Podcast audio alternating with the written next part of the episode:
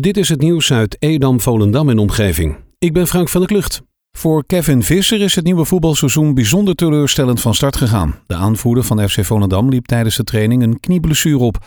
De blessure houdt Visser de komende maand aan de kant. Dat heeft onderzoek in het ziekenhuis inmiddels uitgewezen. Visser was in de afgelopen seizoen een belangrijke steunpilaar in het team van trainer Wim Jonk. De middenvelder, die ook speelde vanuit de verdedigingslinie, kwam tot 27 wedstrijden en scoorde daarin één keer. In april werd het contract van de aanvoerder nog verlengd tot de zomer van 2022.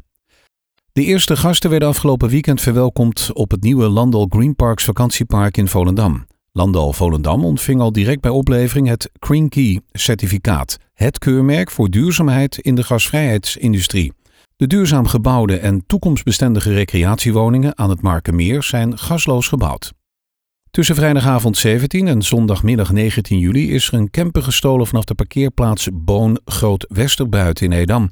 Het gaat om een Fiat Ducato Wijnsberg Karaloft 650 met het kenteken JD406L. Er waren bij meerdere campers inbraaksporen. Mocht je op deze parkeerplaats een camper hebben staan, dan is het verstandig om toch even te gaan kijken of die er nog staat. Noah Fadiga maakt de overstap naar Heracles Almelo. De Belg komt over van Club Brugge en heeft voor drie jaar getekend in Almelo. Fadiga speelde afgelopen seizoen nog op huurbasis voor FC Volendam.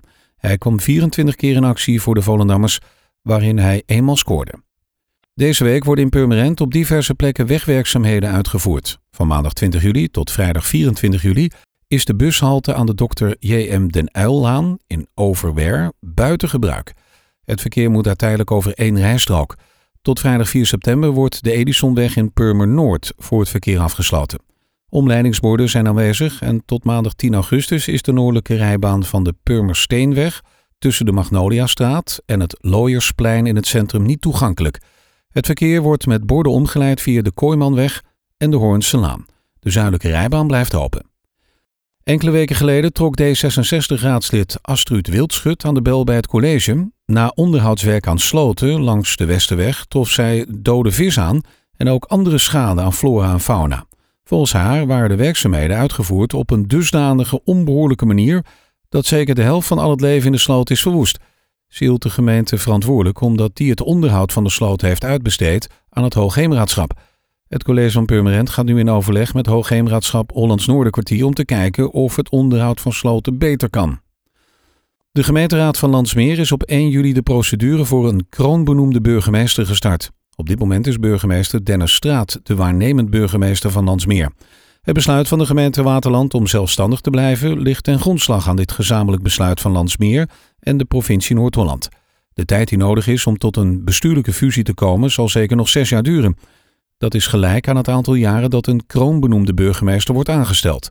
Na de zomer wordt de profielschets hiervoor vastgesteld door de gemeenteraad. De gemeenteraad vraagt inwoners van Landsmeer mee te denken over deze profielschets. Na twee jaar studeren en praktijklessen volgen is Paralympisch snowboarder Chris Vos uit het Beemster geslaagd voor zijn private pilot license. Een unieke prestatie omdat Chris sinds zijn vijfde levensjaar beperking heeft aan zijn rechterbeen. Om je brevet te halen die een Third Class Medical Certificate te hebben, iets waar ook Vos aan diende te voldoen. Over de hele wereld werd gezocht naar de mogelijkheden om het voetpedaal aan te passen naar een handbediend pedaal en met succes.